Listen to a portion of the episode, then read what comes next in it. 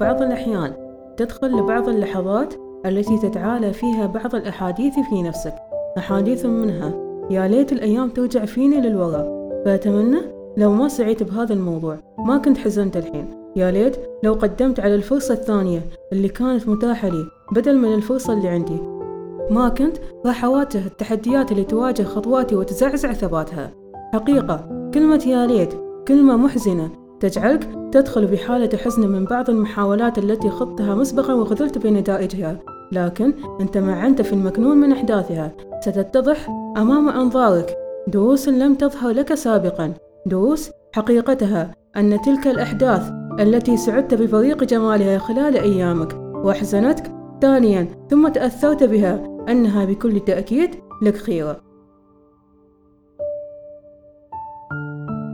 عليك فقط الجلوس للحظة والتفكر بعمق بها سواء توقيت حدوثها أو وقعها على قلبك وردة فعلك تجاهها سواء تقبلك لها أو رفضك لوجودها في تفاصيل أيامك.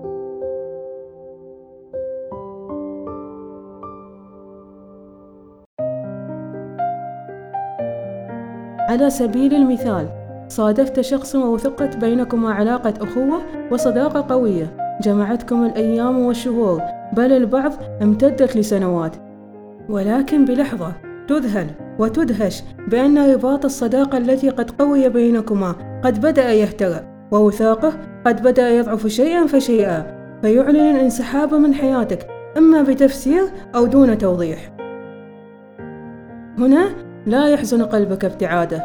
ربما شاء الله أن يعلمك درسا بأن لا تصرف في مشاعرك تجاه من أحببت. فبقدر ما تعطي ستحزن وستخذل عند الابتعاد وكذلك عند ابتلائك بمرض ألم بك. لحظاته أنهكت جسدك وسلبت منك راحة قلبك وفقدت توازن مشاعرك. فحزنت وابتأست لمجرد التفكير أنك لم تعد بكامل عافيتك كما كنت مسبقا. أقول لك لا تحزن لأن دخولك بتلك اللحظة بكل تأكيد لك خيرة. قد لا تفقد ذلك بالبداية.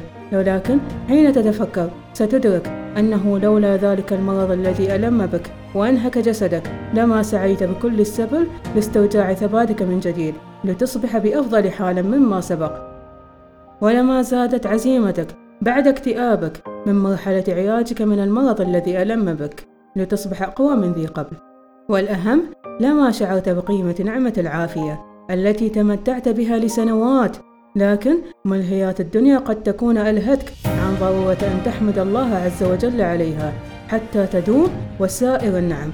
فلك الحمد يا رب.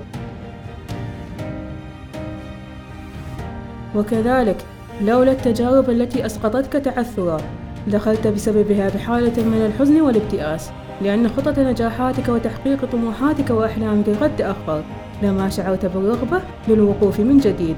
ولما عرفت قيمة خطواتك وسعيك لنيل مبتغاك وحلمك. ودروس كثيرة جدا ظاهرة بأحداثها بتفاصيل أيامنا لكن تحتاج منا جلسة تمعن وتفكير ثم رضا بالأقدار وإدراك أن تواجدها وحدوثها بكل تأكيد هو خيرة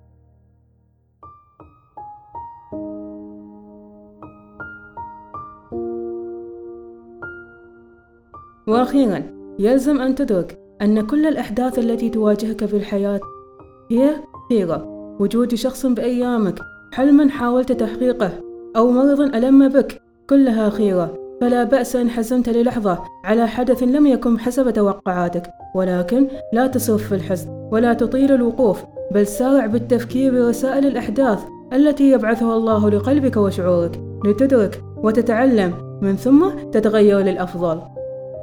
لأن الأيام بها أحداث مختلفة بها يسر وتعب بها المحزن والمفرح.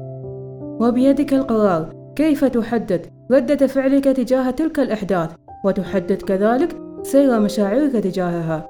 واستشعر دائما حقيقة أن الله عز وجل لطيف بعباده يبعد عنك أمورا أحببتها ويقرب منك أمورا أخرى لم تكن بالحسبان. لكن حين تتفكر ستشعر بأن اللحظة التي قربها الله تعالى لك والتي لم تكن ضمن مخططاتك. هي أجمل بكثير من تلك التي كنت تخطط لها أنت طويلا. وتظن بأنك ستفرح أن تحققت لك. فلك الحمد يا رب على جميع أقدارك ولكم مني أطيب التحيات. هذا البودكاست من إنتاج شركة بونسيانا للإنتاج الفني.